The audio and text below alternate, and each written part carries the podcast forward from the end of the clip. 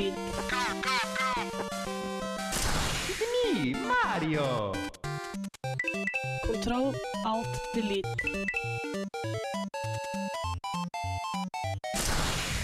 Unable to comply.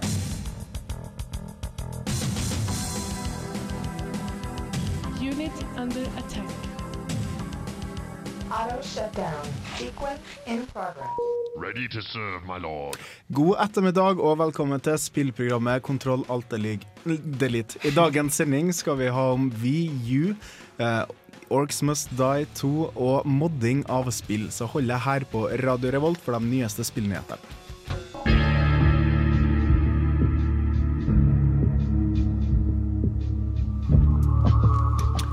Velkommen til Kontroll alt delete. Mitt navn er Erik Vibe, og i akkurat den tida vi fikk de nye, så kom det et gammelt spøkels inn i studio igjen. God dag, Hallgeir Buhaug. Hei sann. Hei Nei, det har vært en stund siden. Ja, jeg vet ikke hvor mange sendinger. Fire-fem sendinger kanskje Ja, siden sist. eh, Men det har føltes, føltes mye lenger. Altså. føltes som en evighet. Ja, det har det. Eh, har du spilt noe interessant mens du har vært i Forsen? Annet enn uh, football manager? Nei. Nei. Nei. Jeg spilt veldig masse med football manager. Ja. Lekekrig? Ja, altså. Jeg finner ut at eh, det å leke krig i Forsvaret er absolutt ikke som å leke krig i dataspill. Det er ikke? Nei, det innebærer trodde- bare veldig, veldig, veldig, veldig, veldig mye mer venting. Ah, ja, ok. Sånn jakt, da, på en måte. Ja, eller bare Ligger du her. Ja, ligger du her du i tre timer. Ja. Så skal vi se om det skjer noe. Selv hvor spennende det er, det hørtes ut som må vi høre fra de nye stemmene våre. Så Sondre, hva har du gjort i det siste? Mm, Jeg har varma opp til Borderlands 2 med Borderlands 1. Ja. Eh, Deilig å være tilbake i det universet. Ja, Det er noe fantastisk med å klaffe mot noen tegnefigurer kommer springende mot deg samtidig som du smiler. Ja. Deilig. Mm. And bazillions of guns. Gazillions i nummer to. Ja, stemmer. stemmer. Bård Reistad, god dag. Hei, hei. Hvordan eh, har de uke vært? Vel, jeg har ikke spilt så særlig masse, men jeg har plukka opp et sånt fint IOS-spill som heter MacPixel. Ah, som er en blanding av eh, 4chan random humor og eh, klassisk LucasArts eh, prøv og feil og feil og feil point and click-greie. Ja. Du har liksom Du kommer i en situasjon, du har 20 sekunder, og hvis du ikke har tatt og desarmert en bombe innen der 20 sekundene, så eksploderer bomba, og du drar til neste situasjon. Og så, Ja. sånn går det på rundgang helt til du har gått gjennom alle de crazy forskjellige måtene du kan ikke desarmere en bombe på, før du endelig desarmerer en bombe. bomba. Høres spennende ut. Og det er litt sånn der trending på internett for tida, vet jeg. Eh, Litt sånn som Slenderman. Sånn at det er gratis, og alle spiller og snakker om det og lager YouTube-videoer. Sånn er det når du var på framsida av The Pirate Bay. Ikke sant. Og til slutt, Hanna. Var det avansert versjon av om? Eh, jeg har eh, Det er ikke så mye nytt med meg da. Jeg har eh, endelig fått prøvd gjennom hele multiplayer på Portal 2. Mm. Kost meg skikkelig med det. Fantastisk dialog. Um, yes, og så har jeg eh, spilt litt Majora's Mask. Plukka opp, uh, opp gamecuben min, siden jeg har Collectors Edition på den. Høres bra ut. Bare, bare kos. Ja. Mye, både nostalgi og nytt her, da, tydeligvis. Sjøl har jeg spilt uh, Street Fighter. Uh, vi skal også høre fra Jens Erik Våler senere. Han har vært i Stockholm og vært på Starcraft-turnering, så det blir spennende. Her får du 90 Scott MC. Denne uken i Spillnytt. Det har skjedd en god del i spillverden i det siste. Vi har fått vite at VU kommer faktisk tidligere enn forventa. Det var vel eh, desember mange spådd, eh, og den ble vel også sagt å bli releasa i desember i Japan. Eh, Men i Europa så får du den faktisk før, og det må være første gang for jeg vet ikke hvor mange konsollsykluser det er siden eh, Europa og Amerika fikk en japansk konsoll før Japan. Eh, Har det skjedd? Jeg tror ikke det. Jeg, jeg skjønner Ikke ikke en helt. japansk utvikla konsoll, i hvert fall. Nei, uh, så jeg syns det er veldig snedig. Uh, men de har nå gjort det sånn, og datoen den er Det er den 30. november her i eh, Europa. Det er den Mm. 18. november i USA, dersom du er amerikaner.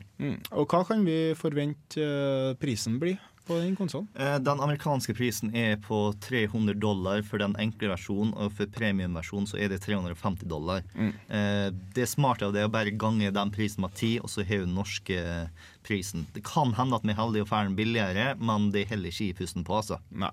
Og i den da dyrere versjonen så får vi med oss eh, Nintendo Land samt en stand til Wii Union og noe annet småsnacks, sånn som jeg har forstått det.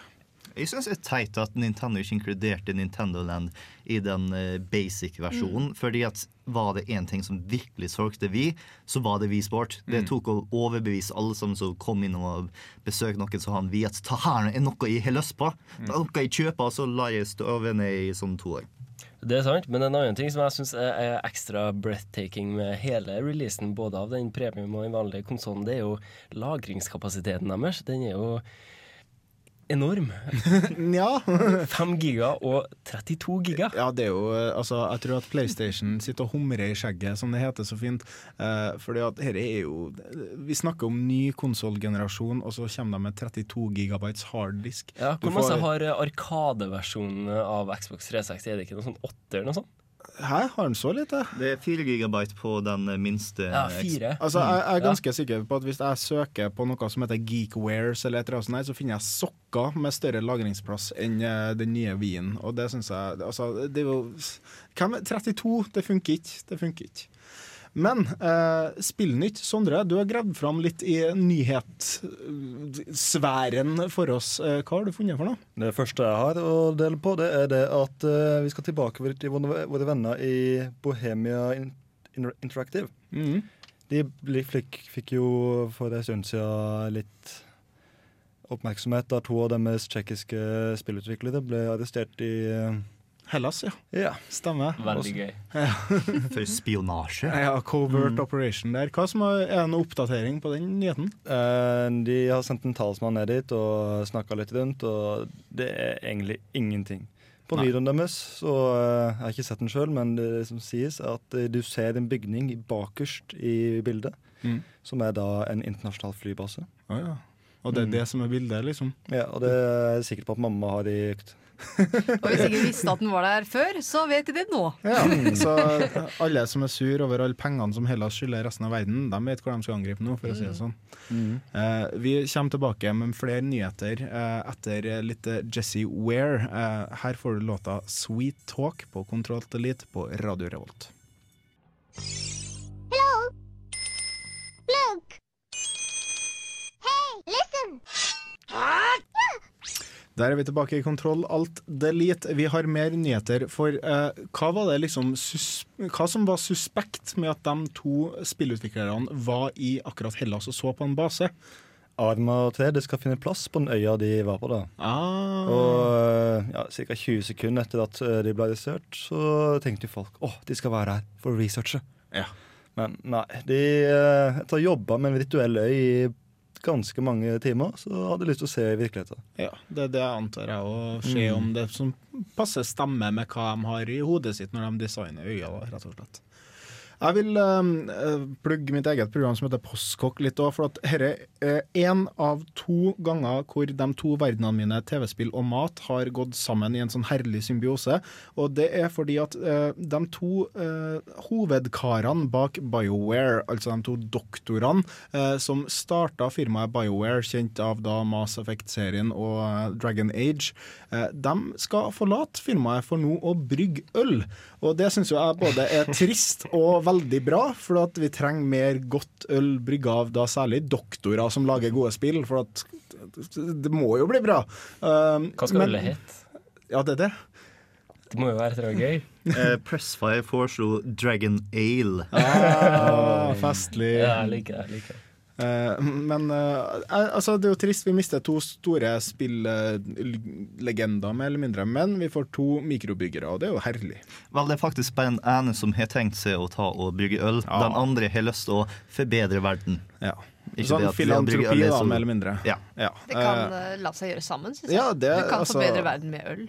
Så Det er jo bare- absolutt. Så absolutt. Uh, god øl uh, redder liv. Eller eventuelt veldig, veldig dårlig øl. Eh, Ja. da, da redder det også liv. Det er straks ikke så mange som drikker øl. Mhm. Ja. En annen BioWare-nyhet er at eh, nå har Dragon Age 3 endelig blitt annonsert offisielt. Yeah. Det skal hete Dragon Age 3 Inquisition, fordi Ah. at ingen forventa The Templar Inquisition. og eh, det er en ny eh, hovedkarakter du skal spille som, og de skal bruke faktisk spillmotoren til Battlefield 3. Å ja, så det blir spennende. Eh, men så Let's hope this one doesn't suck. Ja. Toeren var- Dragon Age 2. Ja, den var grei. Den var ikke like bra som eneren, men den var grei. Den, det er to helt forskjellige spill, og det å sammenligne toeren opp mot eneren som om det skulle være eneren, er helt feil, i min mening. Det er ikke Men det er jo fortsatt en oppfølger. Ja. Eh, vi lar det ligge der, så tar vi det kanskje i andre timen. Uansett, eh, det jeg tenkte å nevne, er jo også at eh, TGS er rett rundt hjørnet. For de uinnvidde så er TGS Tokyo Game Show. Og eh, det har vært en pre-TGS-event med Sony, hvor de da har annonsert sin eh, PS3 Slim. Slim. Hva er dette for noe? Rett og slett. Noe stygt. en styggedom, sier du det? Er det noe folk kommer til å kjøpe, da?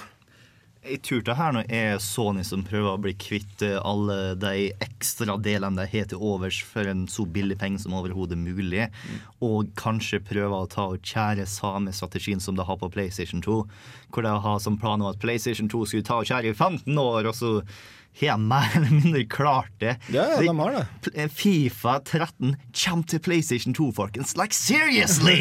De vil ikke dø! Nei, det er samme PSP nå. Blir fortsatt releasa spill til PSP, selv om PS Vita har kommet ut. Eh, Sony melker kyrne sine tom, eh, og det jo, de trenger jo å gjøre det når det er så dyr hardware som det er, rett og slett. Vi må eh, selvfølgelig videre i sendinga etter Death Grips med At Death Grips, så skal du få høre en anmeldelse av Orcs Must Die 2.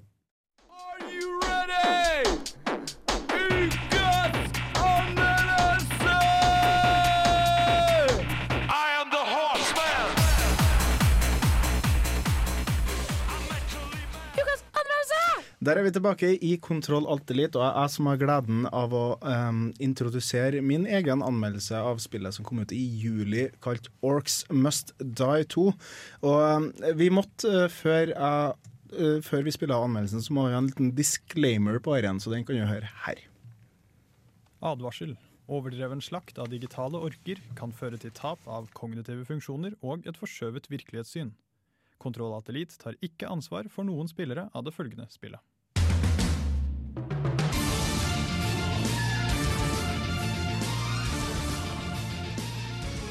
Orcs Must Die 2 er ikke et nytt spill på interwebsor-nettsoren, men det er fortsatt altfor artig til å ikke snakke om. Det kom ut i sommer, sånn cirka, og var dritkult, så derfor Orcs Must Die 2 er et spill hvor man dreper orker, og bare gjør liksom det for det meste. Man kan drepe dem med hagle, eksempel, eller med andre ting, som eksempel feller. Fellene er dritkule, da. Sånn, det finnes en med masse piler som skyter ut av veggen, så finnes det en annen med en stor hammer som svinger fram og tilbake og kaster orkene i lavaen. Så finnes det en som er bare en kjempestor blender, og det er liksom bare sprute orkeblod. Og det er dritkult. Planning time, uh, if planning was something I did. Det finnes også sånne feller som får orkene til å gå tregt, eller feller som kaster orkene i været og utafor stup, og så bare It's like a flock of orcs, except they can't fly. Man kan drepe orker på mange flere måter enn i eneren, og det er jo kjempebra, for om man er kreativ, får man mer poeng, og hvis man får mer poeng, kan man kjøpe flere feller for å få mer poeng, sånn at man kan drepe orker kjempebra. Og det er artig. Welcome to Killstreak City. Population, those guys.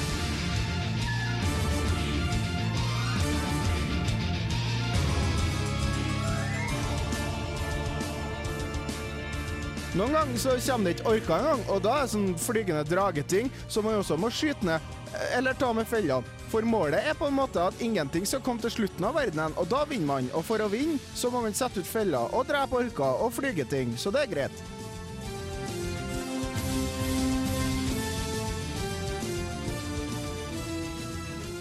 Man kan velge mellom mannen eller dama i Orcs Must Die 2, og de gjør to forskjellige, helt forskjellige ting. Dama danser noen ganger og er flinkere i magi, mens mannen er flinkere i andre ting, som feller og skyting med hagle. Jeg bruker å velge mannen, for mannen han sier mest artige ting, syns jeg. Og det- for de sier vitser noen gang, og det er artig. This should shut their traps. Get it? Traps?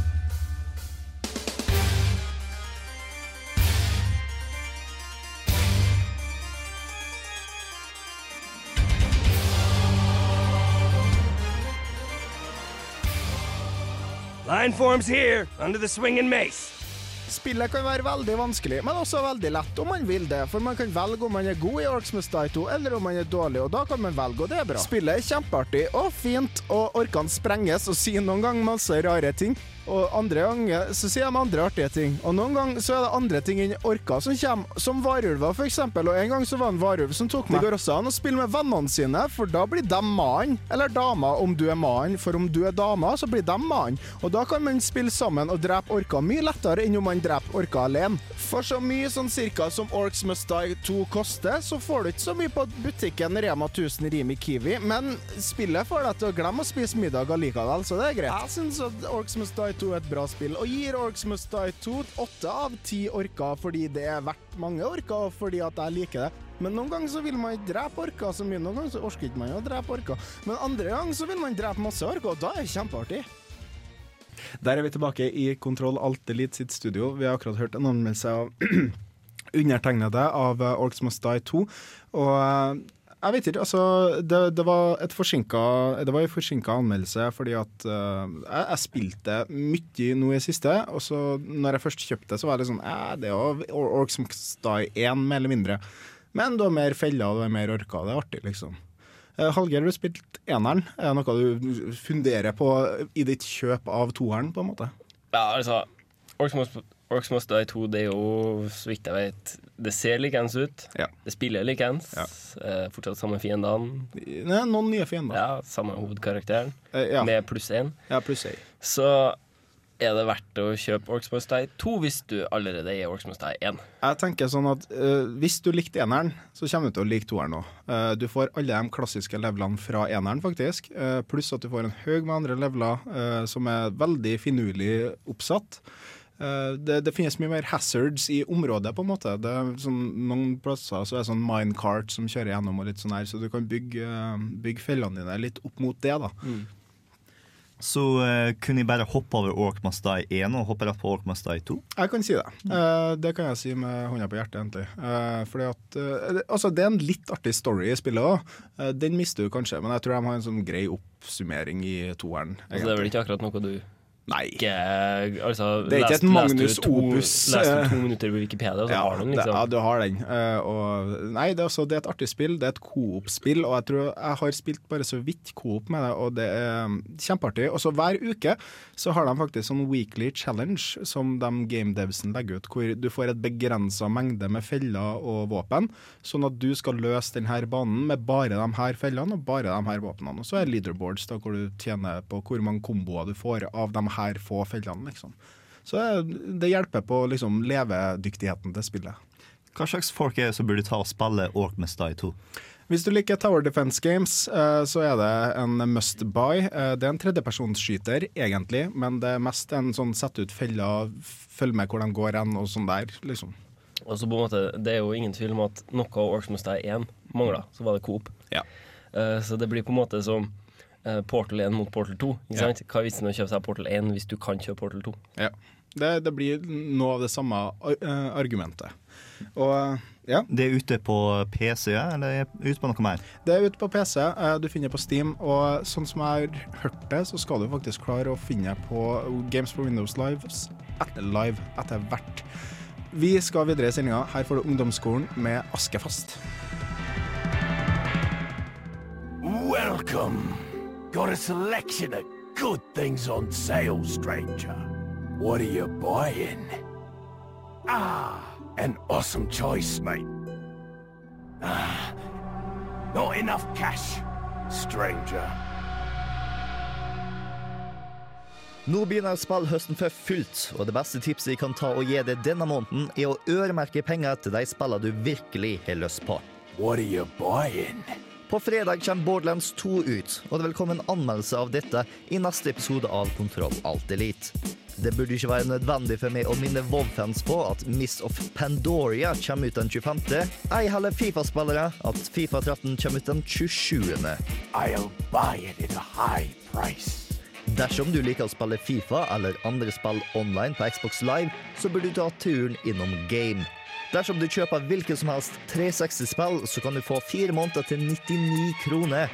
Eller gratis, dersom de glemmer å spørre. Stranger, stranger. 2. oktober er det smart å ha penger for Resident Evil 6. I see you have an eye for things. Men dersom Pokémon er mer din greie, så kommer Black and White 2 ut den 12. oktober, samtidig som Steampunk-snikespillet Dishonored og romvesenstrategispillet XCOM Enemy Unknown. Is that all, stranger? Dersom du ikke har hørt noe interessant, så bør du kanskje vurdere å plukke opp sommerspillene som nå har falt i pris. Du kan finne Spec-Ops The Line for 349 på Spaceworld og Sleeping Dogs for 449 på Platekompaniet. Og jeg kan varmt anbefale begge. Thank you. Har planer om å kjøpe en VU i år, så har det vært smart av det å begynne å sette av en tusenlapp i måneden fra nå fram til releasen i enden av november. Og for guds skyld, forhåndsbestill tidlig. En nummer full av gryn hjelper fint lite dersom det er ingen som har en maskin å selge til det. Wise choice, mate. Og det er hva du burde bruke septemberstipendet ditt på. Come back anytime. Der hørte du stipendtipset i måneden september. Eh, håper du fikk noen eh, lure ting, lure tips å bruke pengene dine på. De hardt opparbeida sti- stipendpengene dine. Eller kanskje du er heldig å ha en jobb. Eller kanskje du er heldig å drar til Søtabror, sånn som Jens Erik gjorde. Yes. Men noen ganger har man flaks, vet du. Ja, hva gjorde du i Sverige? Jeg har vært på uh, WCS Starcraft 2 uh, Europe Finals. hørtes- eller World Championship Series. Hørtes veldig nerdete ut. Det var veldig nerdete. Det var et uh, nesten fullstappet Eriksson-globen i Stockholm. Og eh, masse, masse, masse svette nerder fra Sverige, Norge, Danmark, eh, Storbritannia. Eh, det var en fra Sør-Afrika der, av alle steder. Eh, polakker, you fucking name it. Hadde de en Starcraft-interesse, så var de der den kvelden. Var det ca. mange i publikum, vil du si? Åh, Det har jeg ikke noe telling på, men eh, jeg tror vi pusha en ja, par tusen, kanskje. Jeg vet ikke. Det var i hvert fall en 100 000 som satt og så på streamen på nettet. Kunne disse gutta som, eh, som holdt eh, eventen forklare oss, i hvert fall. Mm. Eh, vinneren, uh, du nevnte tidligere at du ikke hadde så mye til overs for den. Hvem, hvem var det som vant? Det var en uh, franskmann som kaller seg for eh, Stefano. Han har blitt ranka som en av de beste ikke-koreanske spillerne innenfor Starcraft. Jeg syns det er så bra at det er en egen tittel. Ja, eh, så, som disse eh, Fordi disse um, eh, Tastosis-gutta, Tasteless og Artosis, var der og og var kommentatorer. De kalte han 'the best non-foreigner'. Mm. Så du vet jo liksom hvor skapet skal stå da hvis du er en non-foreigner og kommer fra Europa. Men han er jo faktisk så god at uh, han er med i MLG og, og sånt. Altså det er liksom ikke bare for europeere. Han, han har jo faktisk vært uh, og slått en del koreanere. Sånn, så. Stemmer det. Og han er jo signa hos uh, Evil Geniuses også, Mm. ble det jo nevnt flere ganger. Um, han vant hele greia. Han var ubeseiret gjennom hele turneringen, og Start. bare smalt gjennom til det som var the grand final i hele skitten. Eh, slo en fyr fra eh, Spania som het, eller kaller seg for Vortex, som, og siste matchen var da Zerg mot Zerg.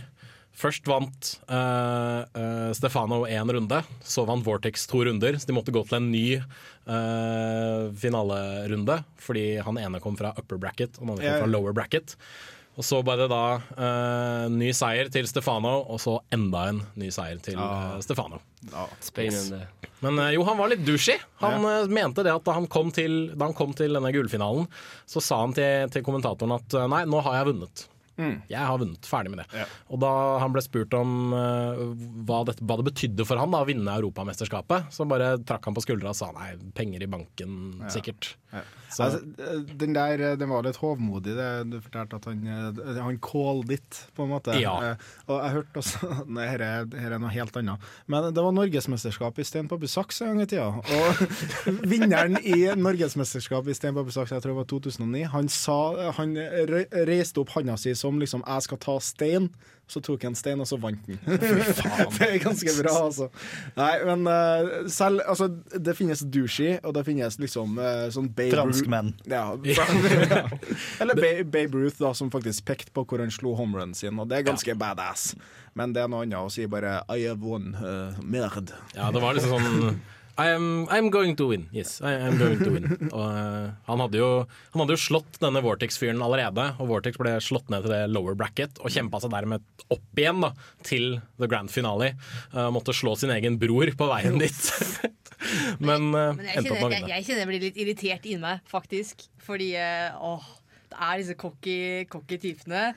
Og når de vinner For det første er de ulevelige, det er noe en ting. Men, men hvordan kan de være folkefavoritten? Hvordan, hvordan kan man heie på disse gutta her? Jeg tror det er rett og slett fordi han er så jævla god, rett og slett. Og jeg har en sånn greie at jeg heier alltid på underdoggen. Så alle som Stefano skulle spille mot, heier jeg på. dem, ja. ja. Uh, så jeg var, liksom, jeg var Vortex hele veien da, og jubla jo som bare pokkeren da han klarte å snu matchene til sin fordel. Men jeg visste jo Eller jeg visste i at han kom til å vinne, for han var publikumsfavoritten. Han var den som var ranka høyest, og som sagt ubeseira gjennom hele greia. Men liksom hele greia ble en sånn Her tapt faktisk Rocky Balboa. Ja, lite grann. Ja, ja. Lite grann. Nei, men det er jo noe som heter beautiful bastard. på en måte. Du liker dem som er klysa, og selv om de er klysa, så er de dritgode. Du respekterer dem, på en måte. Han hadde skikkelig awesome hår også. Ja, ikke sant. Og hår, det er viktig. Ja, ikke sant? Vi skal høre litt musikk. Her kommer Miss John Soda med 'Outlined View'.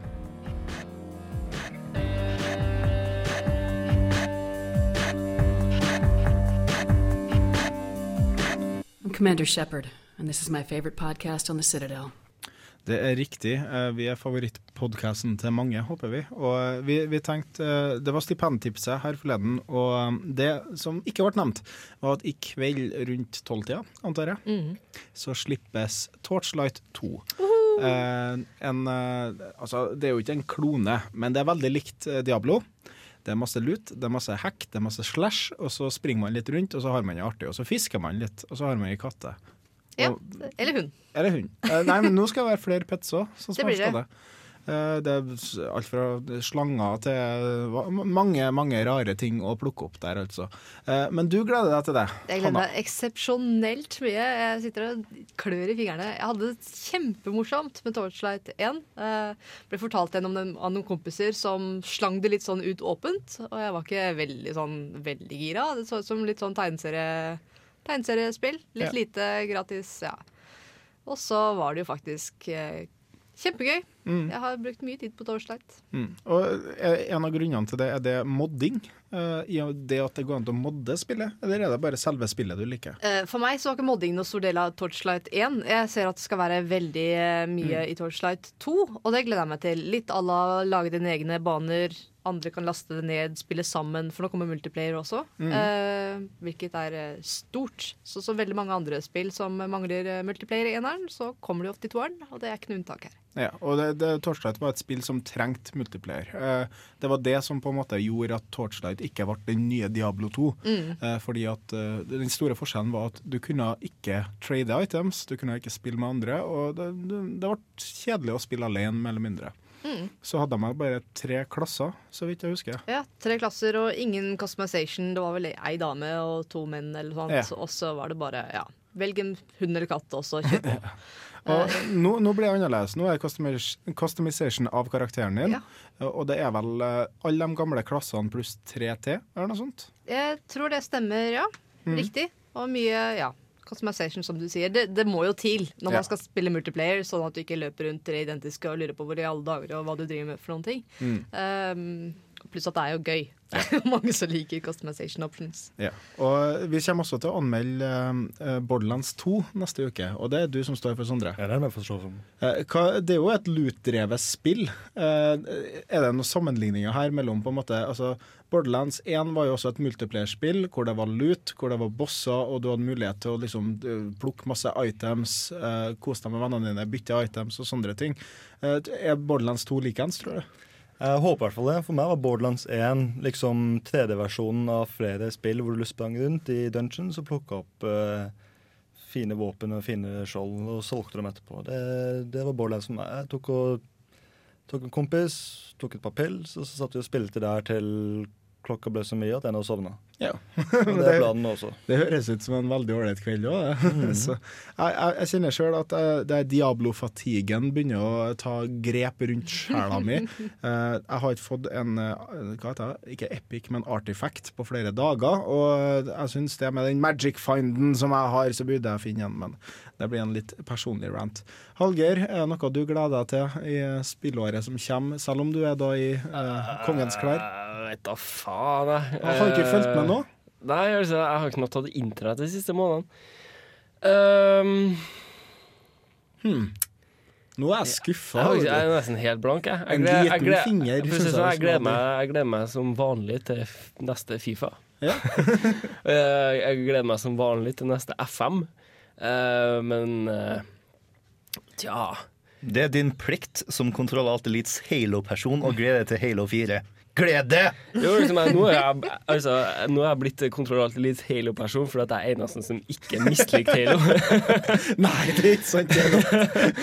Men uh, jo, nei, Halo 4 blir sikkert veldig gøy. Det er jeg sikkert å skaffe meg det òg. Ja, jeg fikk jo en gratis Xbox 360 med Halo. Jeg er fortsatt ikke sittet det i maskinen. Jeg Halo 3? Eller er Reach? Jeg tror det er treeren, ja. Ja, jeg har jo faktisk ikke prøvd Reach engang. Altså, liksom, så mye er jeg Halo-fanboy, liksom. Jeg digga jo ena, og og det første Coop-spillet jeg hadde, som introduserte meg til det å faktisk stå med en kompis og planlegge noe før jeg tok og mista alle planene, stakk inn og skøyt alt som prøvde seg. og Halo 2 var jeg også med på, men når 360 kom, så var det Jeg har ikke spilt Reach. Ja. Men uh, Fida, den kan jeg tenke meg. Ja, nei, altså, vi trenger folk som liker Halo her i programmet. det, er så, her, det, er her vi ligger, folkens. Jeg Vi var- trenger folk som liker spill. Jeg var jo så sykt mindretall før. Jeg. Det var liksom sånn Ja, men jeg liker ikke Halo. Men jeg sa, det er jo et bra spill. Nei, nei, nei, ikke et bra spill. Jo, altså, bare se på det. Det er faktisk ganske gøy. Bare, nei! Vi skal i hvert fall begynne å bevege oss inn i andre time. Vi kommer til å snakke om fanmodding, modding og hva du kan gjøre med et spill uten å gjøre noe med spillet. Du skal først høre Tom York med Black Swan. It's the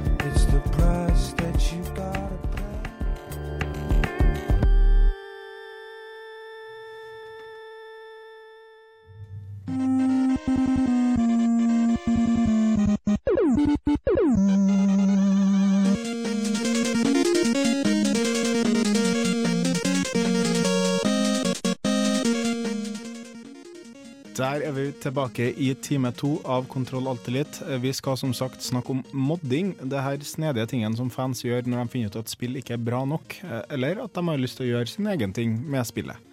Uh, ja. Går koder innenfor modding? Altså, det, det, de stri, de lærde strides nesten. Eh, De, de gjør jo ikke det. Men eh, Mortal Kombat for eksempel, og uh, Golden Eye på Nintendo 64 var jo spill som uh, forandra spilleopplevelsen din med hjelp av modding. eller modifisering av spillet. Bare at det var ikke fanlaga, Mm. på en måte. Big head mode i NBA Jam, big head mode i Golden Eye. Altså, big head mode var tingen en periode. Og du, du forandrer jo spillopplevelsen din, men det er ikke fanlaga.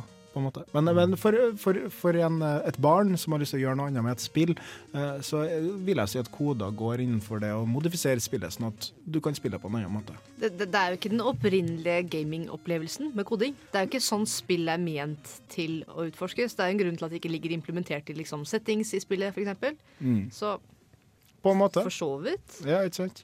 Men det jeg tenkte å starte denne timen med, var uh, de kanskje tre største tingene som kom uh, nei, sent 90-tall, begynnelsen av 2000-tallet. Uh, de tre store innenfor modding på den tida var Counter-Strike, det var Tower Defense i Warcraft 3, og det var Dota. Og eh, jeg har i hvert fall spilt utrolig mye Counter-Strike, som egentlig var en fanmod, som da nå finnes som Counter-Strike Source. Nei, hva heter det nå? Counter-Strike Go. Global offense. Ja, Global Offense, eller Go, da. Ja, stemmer. Jeg har ikke, prøvd det? jeg har ikke prøvd det ennå, og jeg, litt, jeg skjemmes litt, for at det skal visst være akkurat som det gamle CS, bare med bedre grafikk og sånt. Ja, det er det jeg hørte. De som er skikkelig CS-fan, de er fornøyd med Go. Mm. Og når du klarer å ta og hjelpe folk som er fan av noe gammelt, og gjør deg fornøyd, da har jeg gjort noe bra. Da er du Valve. Det er nesten, det er nesten en uting. Men eh, også Dota. Eh, eh, Hanna, du er jo en stor LOL-fan, eh, og League of Legends, altså. Ikke bare for the LOLs, Men eh, eh, det er jo et spill som er basert på da Dota. Eh, spilte du noe Dota i utgangspunktet? Det gjorde jeg noe, men ikke så mye. Jeg fikk liksom eh, litt sånn smaken på det etter det. Jeg spilte mest Tower Defense i, i um, Warcraft 3. Men mm. eh, det er det jo mange spill som nå er, og det er jo litt morsomt at så mange spill har grunnlag i noe som faktisk er fan fanbasert. Eh, Mm. Både Dota, nei, Dota, League of Legends og Hon, eh, Dota 2. Mm. Så eh, absolutt. Ja, veldig, veldig spennende. Det, det var jo kjempepopulært. Ja, herregud. Jeg husker Eh, jeg, jeg spilte veldig tidlig Dota, og det holdt på å ta av. Og folk det, Allerede da så ble det jo store turneringer med ganske store Mm. pengepremier uh, i Dota, for at det var et relativt balansert spill, i hvert fall for et fanmade spill å være. da. Mhm. Og nå ser du på League of Legends som har sånn fem millioner, i, fem millioner dollar i verdenscupen-finalen-premien, liksom. Og det, at noe fanmade kan gjøre det så stort, syns jeg er veldig artig å se. Mm. Er det noen andre som har noen uh, favoritter når det gjelder Tower Defense? For at det finnes jo veldig mange på nettet, f.eks. Jeg, jeg anmeldte jo Orcs Must Die 2 tidligere, og det er en variasjon av Tower Defense, bare at det er tredjeperson.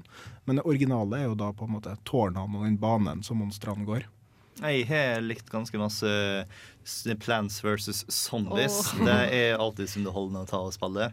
Eh, veldig artig humor, og det kommer en toer om ikke så altfor lenge òg nå. Jeg lurer på hva de har gjort i mellomtida. De har har tjent penger. du bare sånn «Ah, Nå tenker jeg slenger slenge det ut på I don't know, Xbox Live. Tjen penger! PlayStation Network. Tjen penger! Men de lagde jo først eh, Først så lagde de Plant vs. Zombies, Ja. og så lagde de en ny oppgradert grafikkversjon til ja. iPaden. Så du har faktisk eh, to versjoner. OK. På, um, Men det visste jeg ikke jeg. -hmm. Jeg spilte den på Steam. Eh, den Game of the Year Edition eller noe annet for noe. Men i hvert fall uh, um, hva var, Hvor var jeg nå? Nei, men uh, Tower Defense Games. uh, hvert fall uh, det, det, det ble populært med Starcraft 1. Det var der det begynte. Det var der de begynte å finne ut at uh, hei, map-editor kan jo gjøre masse rart med. F.eks. det at units får ikke move eller flytte i hele tatt. Og Derfor så kan de da sende masse monster i en bane, og du kan sette ut uh, andre units, f.eks. en Terran som skjøt så og så hardt, og så der har du et spill. Og det er ofte sånn eh, sånne mods kommer ut. Vi kommer jo også til å snakke om da selvfølgelig Oblivion, Skyrim og selvfølgelig Uh, Morrowind. Nei, nei, men uh, Half-Life. Half-Life er Black Mesa Source, som faktisk ikke har Half-Life i tittelen sin fordi at det er copyrighta, og ta en gratisversjon. Mm. Og jeg kommer til å også hoppe innom litt sånn fan, fan translations og litt sånn der. Så hold deg her på Kontroll Alt Elite. Her får du en overclocked remix av Played Muffins. Her er Tuck and Roll fra Megaman X. Pow! Det var mer deilig musikk fra Megaman X, en av de beste spillene noen gang laga. Bare spør Eor Raptor på YouTube. Uh, Oh, then it og- must be true. Og Kare Dassam. Og da er det i hvert fall sant. Men uh, vi Kødder ikke med pangene. Nei, du kødder ikke. Nå ble jeg veldig intern. Men uh, vi, vi snakker om modding av spill, og uh, dere har spilt en mod av Half-Life 2, sånn som jeg har forstått det. Jeg har Mhm. ikke sjekka den ut sjøl. Hvordan får jeg tak i det her herlige spillet? Ja, jeg kan jo først bare begynne med bakgrunnshistorien til det her. Half-Life 1 er jo et eh, fantastisk spill, Mm. ikke sant? Og Half-Life 2 er også et eh, fantastisk spill. Ja. Det er jo to av de, Enig så langt, det to av de beste spillene ever. Eh, Half-Life 1 uh, drar jo veldig på årene, ser ikke så sweet ass ut noe mer. Teksturene er litt gamle og kjedelige, og osv. osv. Så det var en liten gjeng som bestemte seg for at de skulle lage Half-Life 1 i Source Engine. Da. Mm. Og det bestemte de seg for sikkert ja, sju-åtte år siden. Sånn. okay, ja. Men nå er det endelig kommet ut, da. Og dette er Black Mesa Source. Mm. Uh, og uh, ja. Det ser bare friggin' er, awesome ut.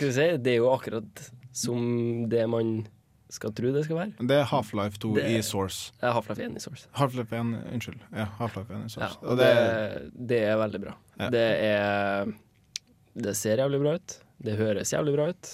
Og, det, og Source Engine, selv om den er jo snart ti år gammel, Ja, ja. så den drar ikke på årene. Nei. Altså, eneste du på en måte føler der, er at blir litt gammeldags. Er litt sånn noen enkelte teksturer som begynner å bli litt kornete og, og sånn. Men, eh, men den holder seg jævlig godt, altså. Mm. Hvordan får jeg tak i dette, hvis jeg har lyst til å spille? Uh, du går inn på f.eks. nettsida deres, som heter for uh, blackmesasource.com, Mm. om jeg ikke husker helt feil. Eller så kan jeg google Black Mesa.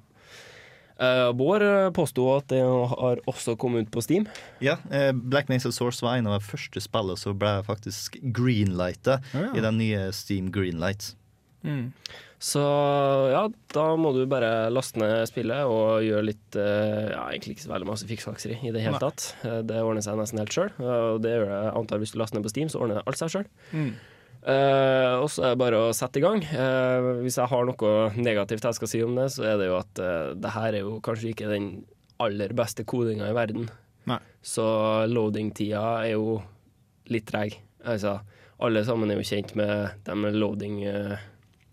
Pausene du får uh, i, i spillene i Altså de Half-Life-spillene.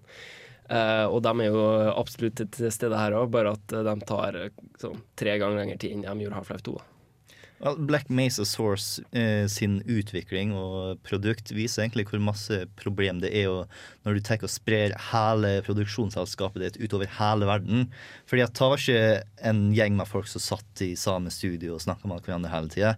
Det var folk som satt på sin egen maskin spredt over hele verden og tok og bytta koder med hverandre.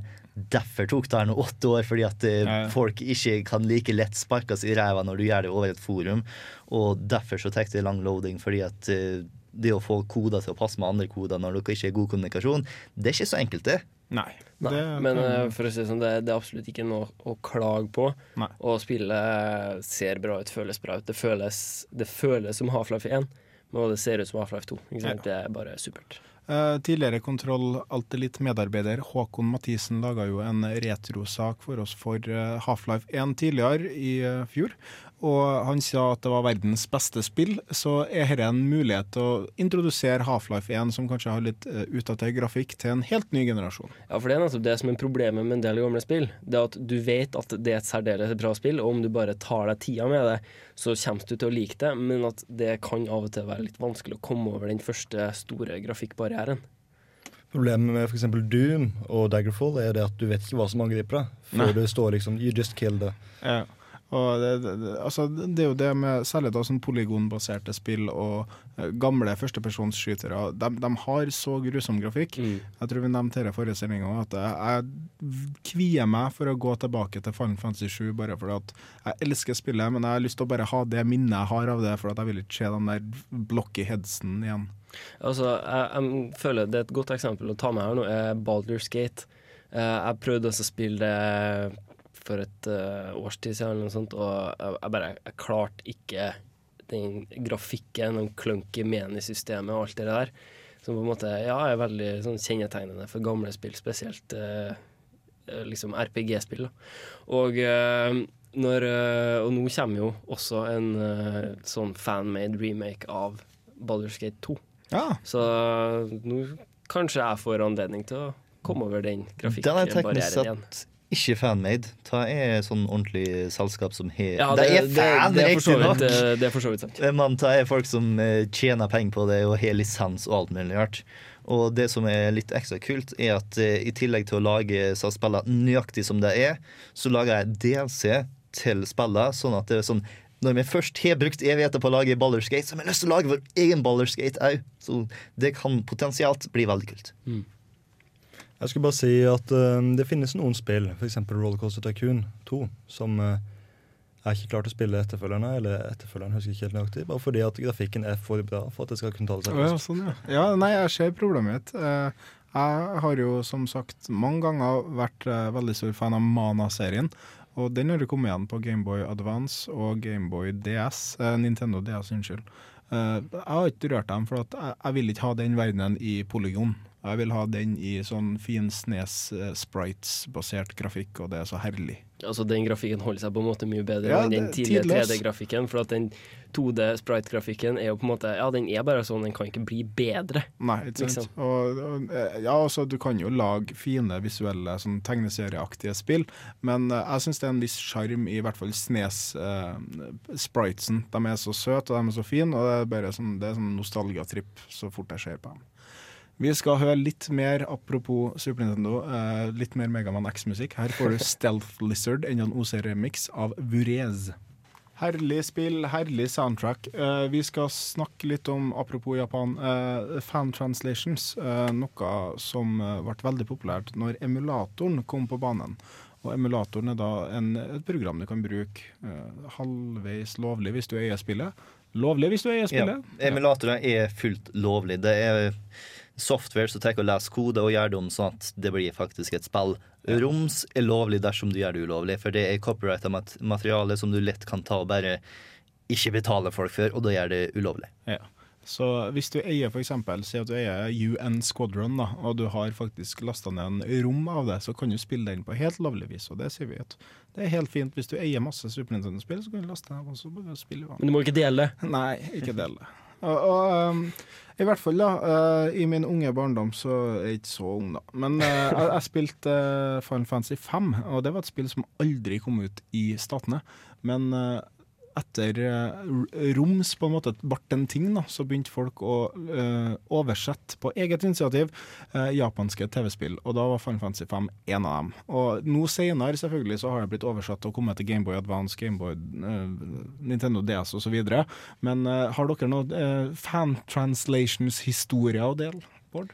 Eh, jeg eh, ser på et spill jeg har lenge lyst å spille, men egentlig som ikke har tatt meg tida til. Og det er Hideo Kojima, skaperen av Metal Gear Solid, sin Police Notes. Det var et sånn eh, eventyrspill som kom ut i, rett før eh, Metal Gear Solid, som aldri kom utafor Japan. Det ble laget på en hælhemma maskiner, men aldri en engelsk versjon. Og mm. da var det noen som satte seg ned og oversatte det her nå. Det å oversette det er ikke raskt. Det å ta og kode inn sånn at det fungerer som det skal på sånn tre-fire forskjellige maskiner, det, det tok litt lengre tid. Ja. Og det, det er jo flere spill som også har blitt spurt av eksempel eh, eh, altså, eh, Ta et konkret eksempel. av Atlas, eh, et japansk spillutviklerfirma, som da gitt ut samtlige spill som egentlig var bare ment for Japan, eh, men de er mer eller mindre good guy Atlas og gir dem ut til Nord-Amerika, f.eks. 3D eh, Dot Game Heroes mange av Persona-serien. Og da er det Atlus da, som satser på at det er et marked over dammen og i Europa, og de bare gjør det fordi at hei, dette er jævla bra spill, og dere prøver dem, liksom. Så jeg syns at fan translations er noe, selv om det enten blir gjort av fans eller av større firma, så er det noe som virkelig er viktig for spillindustrien, særlig da for oss som liker japanske spill. Men selvfølgelig så må det være av en brukbar kvalitet. Ja. Jeg har vært borti enkelte spill som har hatt elendig oversettelse. Det er sånn Tok du og brukte Google Translate på dette her, noe elendig oversettelse, som eh, Du får faktisk kanskje et dårligere inntrykk av spillet enn hvis du faktisk har spilt det på japansk. Men så er det jo store studier som også har oversatt ting feil.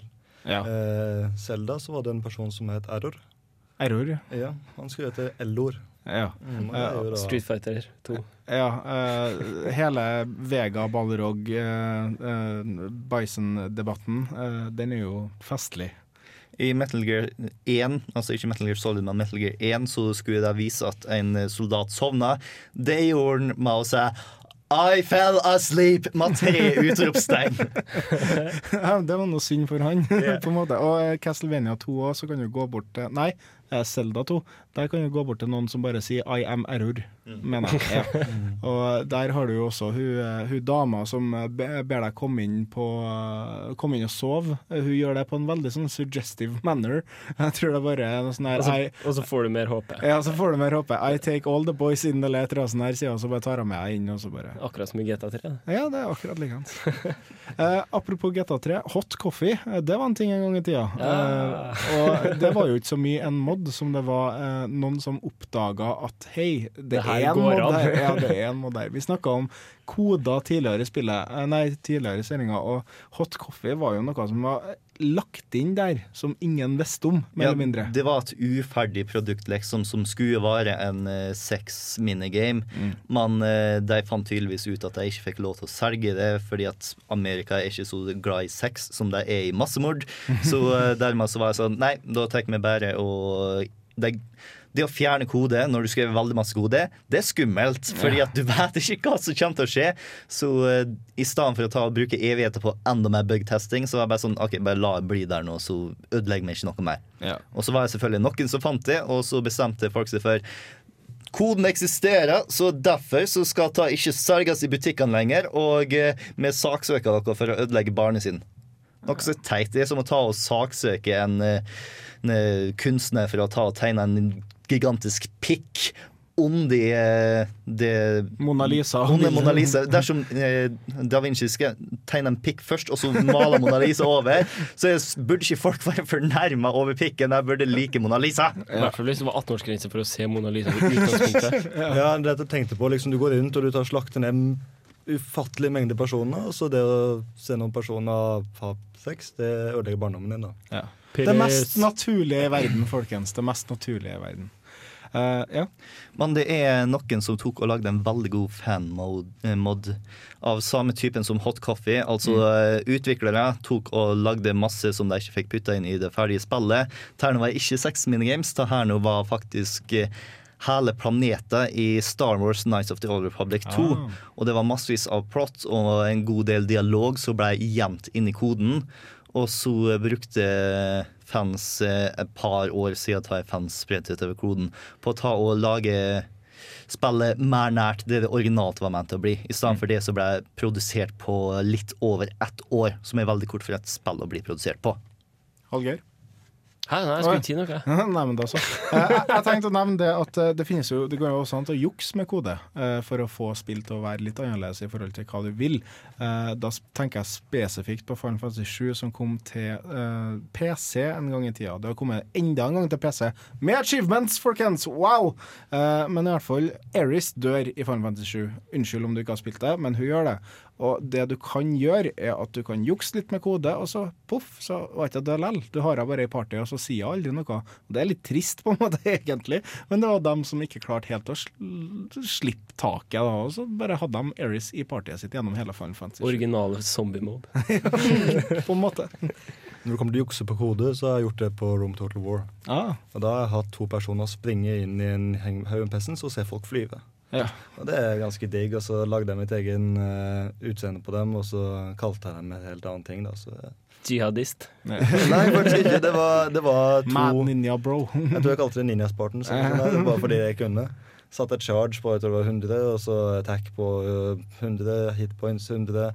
Så de to personene tok over hele rommet. Ja. Jeg, jeg, jeg, minner meg veldig om når jeg spilte Age of Empires 2, så hadde du en mappeditor. Og i campaignen så fikk du sånne karakterer som William Wallace og El Cid og masse sånne Jeg tror Hannibal var her, og Jeanne d'Arc og alle de der historiske figurene. Så jeg hadde da selvfølgelig lyst til å teste ut hvor mange William Wallacer tok det for å drepe 100 John Dark, eksempel. Så det var noe sånn her med John This is This is science. ja, for meg så var det liksom Altså, jeg visste jo ikke før i ettertid at uh, William Wallace er en fiktiv figur, en mytisk figur, da. Uh, Braveheart, eh, kjent derfra. Men det var i hvert fall veldig artig å eksperimentere på den måten. Og håper at noen andre kan dele noen historier med når de eksperimenterte med spill etter vi hører I Fight Dragons med I Fight Ganon.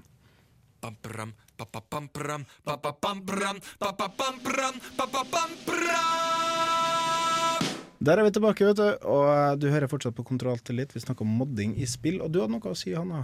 Nei, Kanskje ikke? det er bare den evige diskusjonen om hva som er modding. Ja. eh, for at jeg Eh, tenkte jo litt på det. Nå havna vi litt på glitcheterritoriet, og vi havna litt på, uh, på cheats, cheats. og glitches. Og, Ja. og jeg tenker at modding er jo ting som du endrer i spillet. Mm. Glitches og cheats er jo der. Altså det er, cheats er jo intended på et vis, fordi det er ikke noe du finner opp der og da. Det ligger jo i spillet, og du kan åpne det opp. Uh, modding må jo være modifisering. Ja. Eh, da tenker du mer på sånn som CS til Half-Life 1, og sånn som eh, Dota til Eller altså, det er jo ikke en mod i, og for seg sjøl, det det er jo en annen måte å spille spillet på. Ja, så, som eh, ja. Skyrim, legge til hus. Ja. At du legger det inn i kode. Uh, Killshot, som nå har kommet. At du ser ting i slow motion fra ulike vinkler. Var en mod, ble lagt inn som hovedversjon. Ja, Nei, jeg skjønner hvor du skal hen. Men eh, må du inn på koden for å modde et spill? Nei, du har jo mod tools. Men du, du legger jo på en måte ting til allikevel, selv om du har et verktøy og en plattform å gjøre det på. Jeg har spilt masse spill som jeg har satt med egne regler på. Som jeg ikke skal gjøre det her, selv om jeg kan gjøre det. Jeg skal ikke gjøre det her, selv om jeg kan gjøre det. Da gjør noe annet enn det spillprodusenten har. Ja, hvis du er inne og endrer noen verdier, si Nei, for eksempel det run bare speed hvordan eller jeg spiller i forhold til det som spiller. Ja, ja. Altså Det jeg tenkte på, på en måte var jo Vi modder jo alle sammen spillene våre på en måte i hodet vårt da, hvis man gjør noe som, man ikke, som ikke er på en måte uh, meninga i spillet. Noen ville fantasier, du. Nei. Ja, nei, altså, nå snakket jeg Aries og sånne. Det er modding. Eller, ja, eh, det er jo det. Glitching. Altså, ja. Nei, altså, det er jo en som har uh, satt seg inn i PC-spillet, forandra uh, ja. hva som skjer, sånn at Eris ikke dør. Altså, du ser cutscene, hun dør, alt er trist, og så bare har du henne i partyet ditt fortsatt. Men er det lagt inn som en Ja, for så vidt. Ja, det er jo en som Ja, endrer spillet. det Det er jo det, men da har du endra noe i koden for å få det til. Ja. Eh, og ikke et passord, holdt jeg på å si, eller noe som var ment til å være der, som du bare kan taste inn som et alternativ. Mm. Men jeg, jeg, jeg tenkte å tenke litt vidt bare med modding. For at, eh, hvis du har lyst til å f.eks. gå gjennom eh, Links, uh, Link to the Past på Super Nintendo med bare flycatcheren og bumerangen, så skal du sikkert få til det på en Nei, kanskje ikke akkurat dem to uh, itemsene, men kanskje bomba oppi der òg. Så er jo det en egen på en måte prestasjon i seg sjøl. Og spill som Deuce X uh, førsten oppfordrer jo til at du kanskje skulle gå gjennom hele spillet uten å drepe noen. Og det var en måte å spille spillet på. Du fikk ikke noe achievement. Du fikk ikke noe annet Jo, kanskje du fikk en sånn liten honorable mention i kreditsen med sånn her good job, men du fikk ikke noe mer enn det. på en måte Spillet gikk sin gang lell. Uh, så det, jeg tenker på at det med modding har også med din egen modifisering av din spillopplevelse. Mm. Hvis du har lyst til å kjøre baklengs i hele Mario Kart-banen, så får du jo lov til det, selv om spillet da ikke egentlig er bygd for akkurat det. Ja. Nei, men eh, er det noen som har spilt et spill på en annen måte enn det som er på en måte intended, da, er det jeg tenker. For at vi, vi hadde jo Knut Aashammer her, som spilte Formel 1-spillet, hvor han bare egentlig kjørte feil vei for å se at bilene krasja i seg. Jeg snakka om min Age of Empires 2-ting, hvor jeg bare laga masse hærer og sendte dem mot hverandre. Og det må jo være på en måte Jeg syns det er artig da å eksperimentere med sånne ting. Jeg prøvde å spille Skyrim, hvor langt jeg kom med, med å bare prate med folk. Det gikk ikke så bra. Eh, Eller bare bruke fists. Altså, det er jo noe du bestemmer deg for, selv om du har muligheten i spillet til å bruke øks og hva faen, ikke sant? Hvis vi går dit, da. Tidlig Vanilla Warcraft, Mm. World of Warcraft, uh, med explorations. Ja. Dra steder du ikke har uh, lov til å være, eller ikke er ment til at du skal være. Ja, ja. Utnytte glitcher på den måten har jeg gjort fryktelig mye av. Vi, eh, og, og jeg har sjelden hatt det så gøy. Så, så ja, hvis det inngår i det, så Ja, jeg absolutt. tenker bare andre spilleopplevelser. Og jeg, jeg må jo si én ting om World of Warcraft. Det var jo en som Jeg vet ikke hvordan det går med nå, men det var en som var veldig mye på forumene, og han skulle levele en troll eh, fram til level, eh, ja, makslevel med bare loincloth og eh, amulets, rings og eh, fists. Eh, jeg er ganske sikker på at han har kommet seg til topplevel, nå. Jeg husker ikke hva han heter, men han var i hvert fall veldig populær i den tida jeg spilte WoW. Nei, Da har du jo South Park, hvor du bare skal drepe villsvin ute i skogen for å komme deg til topplevel.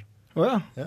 Det går an. Du har sett, nei, du har sett den episoden Make Love Not World of Warcraft? Eller? Jo, jo, jo, den, ja. Ja, ja, ja, stemmer. Ja, men jeg skulle si noe annet. Uh, Skyrim det Mm. er jo et utrolig bredt spill.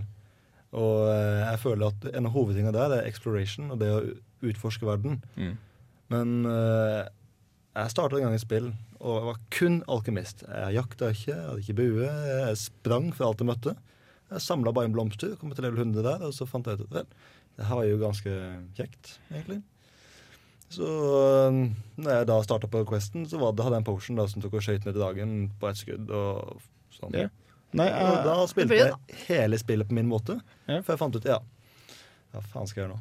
Det blir jo en helt annen spilleopplevelse. Ja, men det blir jo det. Og det er jo bare fantastisk at Ja. man kan uh, ha det så gøy med spill. Men, jeg, men det er jo et definisjonsspørsmål. Jeg vil ikke dra det så langt at det er Det, modding. det er jo ikke modding. Eh, eh, her er jo det, det Ordet er nok det hvor det ble litt diffust her. Men eh, det jeg mener er bare annerledes spillopplevelser enn det som faktisk er intensjonelt for spillet. Da. Mm, jeg, fikk, jeg fikk for øvrig min første band i World of Warcraft med å Vi tenka en wordboss til Stormwind. Uh, sikkert noen old schools der ute som husker Kazak. Uh, Mm. Det var knall hvor vi sto oppå veggen. Vi hadde klatra langt oppå veggen. Det også med wall, eller, um, eh, wallwalking. Mm. Uh, og fikk da litt sint uh, beskjed av eh, Game Masters at eh, vi vet hva dere er. Så nå kan du si farvel til kontoen din i 72 timer. Dersom vi snakker om å spille på en måte som gir en annen opplevelse av spillet, så modifiserte ikke jeg gameplayet, jeg modifiserte historier i Enslaved an Odyssey to the West. For i starten av spillet så tar hovedpersonen som du spiller, Monkey, og eh, tar og detter veldig hardt i bakken etter at han eh, var utpå en sånn escape pod på en eh, romskipting. Og da dukka det opp sånne glowing orbs som du skulle plukke opp og få penger for. Så i haugene mine så var Monkey nå hjerneskada, og alle sa glowing orbs Ingen nevnte glowing orbs i hele tatt i spillet, Nei, så alt han måtte være i hodet hans. Så jeg eh, spilte OK, nå er jeg en hjerneskadd person som er obsessed på å ta og finne tak i alle så shiny little things everywhere. Så eh, jeg tror jeg er en av de få som har spilt Odyssey to the West på den måten. Ja, det er nok sant. Og jeg, jeg tenker også på Skyrim, som Sondre nevnte. Eh, Det finnes en video på Kotaku tror jeg, hvor det er en Khajiit Monk. Den klassen finnes ikke, eh, men han er da anti-violence, og han bruker bare da sånn Staff of Charm og Staff of Turn Undead og sånne ting, og har kommet seg til i hvert fall level 20 nå, tror jeg, i Skyrim. Fins ingen klasser i Skyrim. Nei, nei, men altså det det. Poenget da er at han har eh, valgt en sånn non-hostile måte å gå gjennom et spill på, som egentlig er laga for at du skal skjøte opp alle ferdingene. Vi skal videre. Her er den nydelige uh, The Pantheon fra Bastian. Uh, artisten heter Darren Korb. Thank you. Thank you very much. Uh, det var fra det herlige spillet Bastian. Eh, egentlig et spill som kunne ha trengt modding, tenker jeg. Uh, du kunne ha laga egne verdener. Uh, du kunne ha vært han der The Kid uh, i eh, user created. Coop også. Eh, herlige spill. Og vi snakka om Elder Scrolls Oblivion tidligere. uh, at noen la til Coop. Er det sant? Vi vil ikke snakke om det, vi vil snakke om det utenfor radio. Det er, ja, men det er det snakk om også på ryktebørsen, at det blir online Skyrim etter hvert. Man kan se det sånn eh, så vidt på noen sider som våger seg ut og annonserer det som fremtidig kommende, kommende Ja. spill. Eh, men det er et spill som trenger det, på en måte, tenker jeg. Nå vil jeg bare passe på at du ikke blander Skyrim med Elder Scrolls Online, som faktisk er et MMO-RPG som Ja, er på men det, vei. men det er vel annonsert. Det er annonsert. Uh, ja. Og det har trailer og alt mulig Men man skal være forsiktig med ryktebørs. Det er sant. Ja. Det er veldig sant. Altså, da snakker vi, da snakker vi official DLC her, da. Ja, ja, ja, ja, ikke fanmade. Uh... Da får du jo et problem, syns jeg. da Mitt uh, umiddelbare Ja, min umiddelbare, umiddelbare tanke blir jo uh, Skal det fære å gå rundt til to Dovakin? Ja, nei, men det er vel I storyen så er det vel flere? Jo, jo, men der og da skal det bare være én. Å ja, sånn, ja. ja. Og spørsmålet mitt, når du dør, så kommer du tilbake til forrige save game. Hvis en person dør, hvor blir han av? Autosave. Den dukker vel opp i, i kirke? Kanskje det blir, blir sånn som i Halo. Ja. Kan Men- men ikke jeg- dø. Hvis Jeg må skyte inn Jeg er ikke enig i at det trengs to player. For Nei, nei, eh, nei altså, det skal jo en sånn opplevelse du kan ha helt alene selvfølgelig det er ikke alt som Ja, det er det. Uh, jeg blir ikke skuffa hvis ikke det kommer, selv om jeg kan se potensialet. Altså, da blir det faktisk veldig vanskelig å få til det der med at Nei, nå har jeg faktisk bare lyst til å være alkemi. Og da er ikke sikkert han som du spiller med. Liksom er sånn Hæ, du kødder? Men da kan dere ta kanskje flere personer og spesialisere dere, slik som det er i andre online-spill. At noen gjør det, noen gjør det, og noen gjør det. Det blir jo en mini-MMO, Ja. rett og slett. Men jeg ser for meg at plutselig hele Skyrim befolker av folk. Ja, jeg jeg bare Jeg skal kjøpe, jeg skal selge. Det er alt jeg gjør. Ja. Så han som står ved skjemaet, jeg skal selge billigere enn han. Ja. Og han er en NPC. Ja. Nei, eh, det var et, eh, det et eh, rolle, nei, MMO-spill som heter Ragnarok Online, som er koreansk utvikla, som kom for lenge og lenge siden. Men i hvert fall i det spillet så hadde de litt artig med at du hadde en class som het Merchant, og Merchanten fikk i spillet fikk en kjøpe ting billigere av, av NPC-er. da. Så da hadde du dem som bare kjøpte masse potions, satte seg på gata, og da kunne du lage en shop, mer eller mindre. Det var bare et sånn lite vindu over hodet ditt. Og da kunne du selge potions med en sånn her én i profit. eller noe sånt der. Og det var folk som gjorde på times og timevis, faktisk. Det er potensial for det i Skyrim òg. Du har jo speech skill som gir deg fordeler i forhold til merchants. Så ja, Ja. for så vidt. Du kan investere i, i butikker og Ja. få gode priser og snakke deg ut av ting. Og, ja. Men, men spørs jo om de kommer til å lage det sånn at det er loot-basert med sånn her level DOD-IT med, sånn som f.eks. Diablo er. Eh, det tror ikke jeg Betesta kommer til å gjøre, egentlig. Jeg tror det er heller det at de setter opp noe scenario som da er interessant for to personer istedenfor bare én. Ja. Og at du spiller gjennom det her slottet, eller at du spiller gjennom den her grotta og den her rare byen som du plutselig dukker opp i. Grøss og gru om Skyrim nærmer seg Diablo og World of Warcraft. Ja, da blir det, jeg lei meg. det, det blir trist. Det blir veldig trist. Ja. Men, men jeg kan tenke meg at en coop-opplevelse i Skyrim kan være veldig interessant. Absolutt. Jeg syns det er jævlig artig å springe på Eller ri rundt på Red Dead Redemption når vi er inne på den uh, hovedbanen. Når Mm. du ikke gjør noe, egentlig. Så kan du springe over hele Mexico, i hvert fall. Jeg vet ikke hvor langt du kan komme, men Nei. da starter du da i graveyarden, og du kan chucke til helvete. Ja, men det er jo sånn egne spillopplevelser. Det er på en måte prøve å konveie her da, uten at det er mods. Men eh, i hodet mitt så er det sånne der mentale mods i hvert fall. Og- Det var ikke noe kritikk. Jeg bare ønsket å presisere. Men uh, for eksempel, noen gang eh, LOL. Eh, du har dine League of Legends for ikke innvidde. Uh, du har dine favorittkarakterer. Men noen ganger så har du lyst til å spille Malhazar, som egentlig er en ability power-karakter. Jeg vet at det finnes folk som spiller han som en attack damage-karakter. Og det er sånn der, det er ikke optimalt, men det er det du har lyst til å spille akkurat da. Og du kommer mest sannsynlig til å tape, men du kommer til å ha det kjempeartig mens du prøver, på en måte. For at alle sammen bare What the hell? Hva som skjedde her nå? Hvis ikke stemningen i gruppa for deg er viktig for deg, og du gir faen og du ignorer all- på begynnelsen, så kan du gjøre hva du vil. Men det spørs jo om eh, Ja. Ja. men det går. Men altså, i League of Legends har du også mods. Riktignok uoffisielle mods, Yeah. men du kan jo mode for deg sjøl. Du kan lage custom skins uh, og ha det på din egen maskin. Det er riktignok ingen andre som ser det, men alt går jo an, på en måte. Og det er Mm. mange som gjør det. Jeg har sett mye kult. De gangene jeg har prøvd Dungeon Dragons, sånne brettspillet, eller ja, rollespillet, Mm. Så er det aldri slik at det skal være kun fighter. Jeg tar jo liksom den personen jeg har lyst til å være. Ja, ja. Det, jeg tenker et rollespill, er det meg i et spill, jeg har lyst til å være sånn. Øh, det er jo helt håpløst, sier folk til meg. Ja, ja, men det er meg likevel. Ja, ja. Jeg har ikke noe å tilføye en kamp, jeg har ikke noe å tilføye noen ting, men det er meg, og jeg blir med dere. Ja, det finnes en sånn video eh, på den der Escapists over det er to stykker som spiller et rollespill hvor den ene skal være en eh, dual-wielding lumberjack som bruker da nunchakos. Uh, og det, det er rollen han spiller i det rollespillet. Kult. Ja. Men, eh, men jeg bare tenkte å legge til i forhold til mods og cheats og originale måter å spille ting på. Veldig mange mods som er inspirert av folk som spiller spill på unormale måter og på morsomme måter. Mm. Det er jo sånn Dota og, og er blitt til. Det er jo noen som tok noe som i utgangspunktet ikke var ment til å være sånn, endra på det, fikk en idé, spilte spillet annerledes, og så blei det jo til mods etter hvert. Ja, så ble det Så- et ordentlig spill som ble utrolig populært etter hvert. Mm. Så de henger jo godt sammen. Mm. uh, begge, begge deler. Begge, Mm. begge tre. Jeg kan se for meg at Garys Mod det var en person som prøvde å bygge noe i, i eh, Half-Life 2, og så etterpå fant ut ja, en verden hvor jeg kunne gjøre det på egen hånd. Det var kjekt. Jeg har faktisk aldri prøvd Garys Mod, og sånn som min forståelse av det, så er det lag kanoner, pakk den full med vannmeloner, og så skyter du. Så ser du om PC-en din takler det. Eh, Du har tatt med noe musikk. Eh, Hva vi skal høre her, Sondre? Um, kom an på hvilken. er- Cage the Elephant. Ah, ja. Um, fordi Borderlands Han Bård kommer Borderlands med i dag.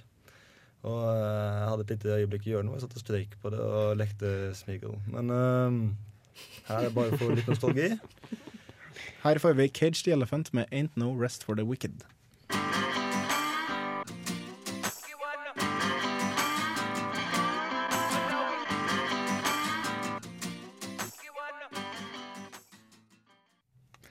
Der er vi tilbake i Kontroll til litt. Sondre, da, spørsmålet til salen. Ja, um, dere har hørt noe sangen. Hva er det som ikke vokser på trær? Penger Ja. Bård, du hadde også et spørsmål, et mer sånn conundrum. Uh, Ja, det eh, jeg lurer på hva slags mod folk har lyst på som ikke eksisterer ennå. Fordi at uh, Oh. når jeg så Crank, kanskje en av de beste spillfilmene som ikke er basert på spill, så tenkte jeg hvorfor finnes det ikke en GTA4-mod av dette her nå? Hvor I Crank så eh, er han karen forgifta, sånn at eh, hjertet hans sakte og sakte dunker saktere og saktere, og han vil til slutt dø. Med mindre han får masse adrenalin. Så han må gjøre hærverk og kjære i full fart og bare få adrenalin, og det har vært kjempekult å kunne gjort det i GTA 4. Du har jo faktisk noe som ligner. I Max Payne så har du noe som kalles for a New York minute. Og Der er det sånn at du har en timer på deg som gjør at uh, eh, du starter med ett minutt, og om du ikke dreper folk, så dør du. Ja. Så det ligner det jo. og jeg, jeg mener også at i det ene missionet i um, Hva heter det, biker ut Lost and the Damned. Ja, så skal du feire kaste sånn molotov-cocktailer så mye du bare orker for å create some havoc, og du vinner Mm. før det er nok havoc, liksom. Mer eller mindre. Eh, Men eh, apropos eh, modder, jeg vet ikke om det faktisk finnes, eller hva det gjør, men akkurat nå spiller jeg jo Diablo. Selv om jeg ikke liker det, så spiller jeg Diablo. Og jeg har OCD, enkelte ting, og av det så er jeg redd hele tida for at jeg glemmer å plukke opp epics, eller at det ikke vises godt nok at jeg har mista eller fått en legendary epic, whatever. Eh, Så jeg ville bare hatt en som var bare sånn Der du, der du, gått av en alarm da når jeg springer forbi en eh, sånn en. Radar, rett og slett, mer eller mindre. Men er det, er det blitt, nå, er det, nå har jeg ikke spilt eh, Diablo før sommerferien, for jeg dro fra maskina mi i sommer. Men har de fått inn at du har ulik farge på teksten? Ja, du har det. Du har det. Det er- men det er brunt. Og Nei, det er- det, og det er mye som er brunt, Ja, for eksempel sant. bakken. Og det er sånn her, faen! Nei, så jeg får sånn nerver hver gang jeg tar en boss, som jeg liksom kikker overalt på hele skjermen. og sånn. Så det har vært veldig greit for meg. da. Eh, Bård, hadde du noe forslag sjøl til Eh, ja, jeg skulle gjerne likt å sette en GTA4-mod. Jeg Ja, har lyst til å lære meg Ja, jo, jo, men En annen GTA4-mod er Crazy Taxi i GTA4. ja. For det er ingen som har naila Crazy Taxi etter Crazy Taxi. Og når du spiller Crazy Taxi nå, så er ikke Crazy Taxi så bra, egentlig. Det har bare et utrolig god idé som du lett kunne tatt og få brakt til live igjen i GTA4. Så jeg har lyst til å lære meg å modde GTA4, er poenget mitt. Jeg har lyst på en auto-quit on low health i uh, heroic mode i Diablo. Ja, den ser jeg jo. Hardcore mode, ja. Nei, det er juks, da. Det er juks. Eh, Du har jo til og med noen sånne failsafer i det spillet. På enkelte klasser i hvert fall, sånn at du ikke dør når du spiller hardcore mode. Ja, Bortsett fra lag, da. selvfølgelig. Ja, det er noe annet. Jeg vil være clap- clap-clap i Borderlands 1. Ja. Spille som clap-clap som klappere. Og de alle de sangene.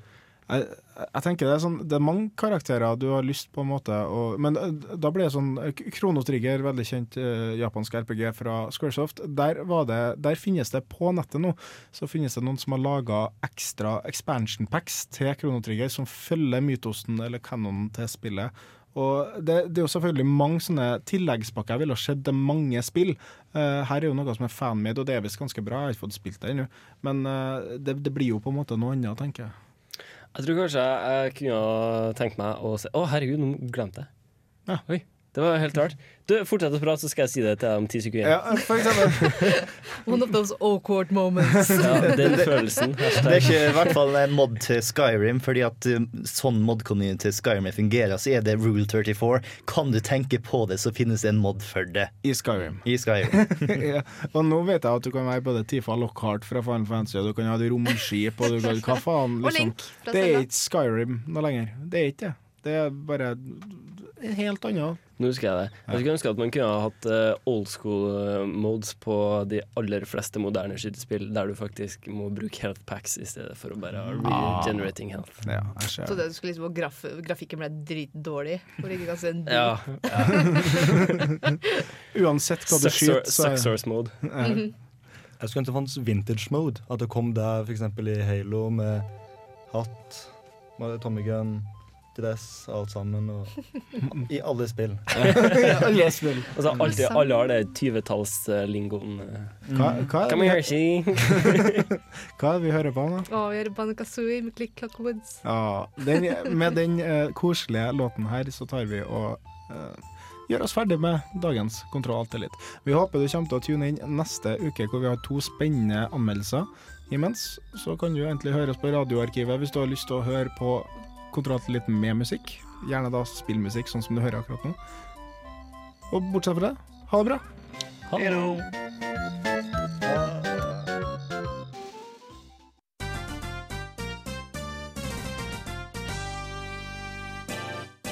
Har du spørsmål, utfordringer, ting du føler vi bør ta tak i, eller noe helt annet du vil spørre oss om, da kan du sende mail til nerd.radiorevolt.no. Ønsker du heller å tweete oss, kan du finne oss på Twitter, hvor vi heter rr-spill. Du finner oss også så klart på Facebook.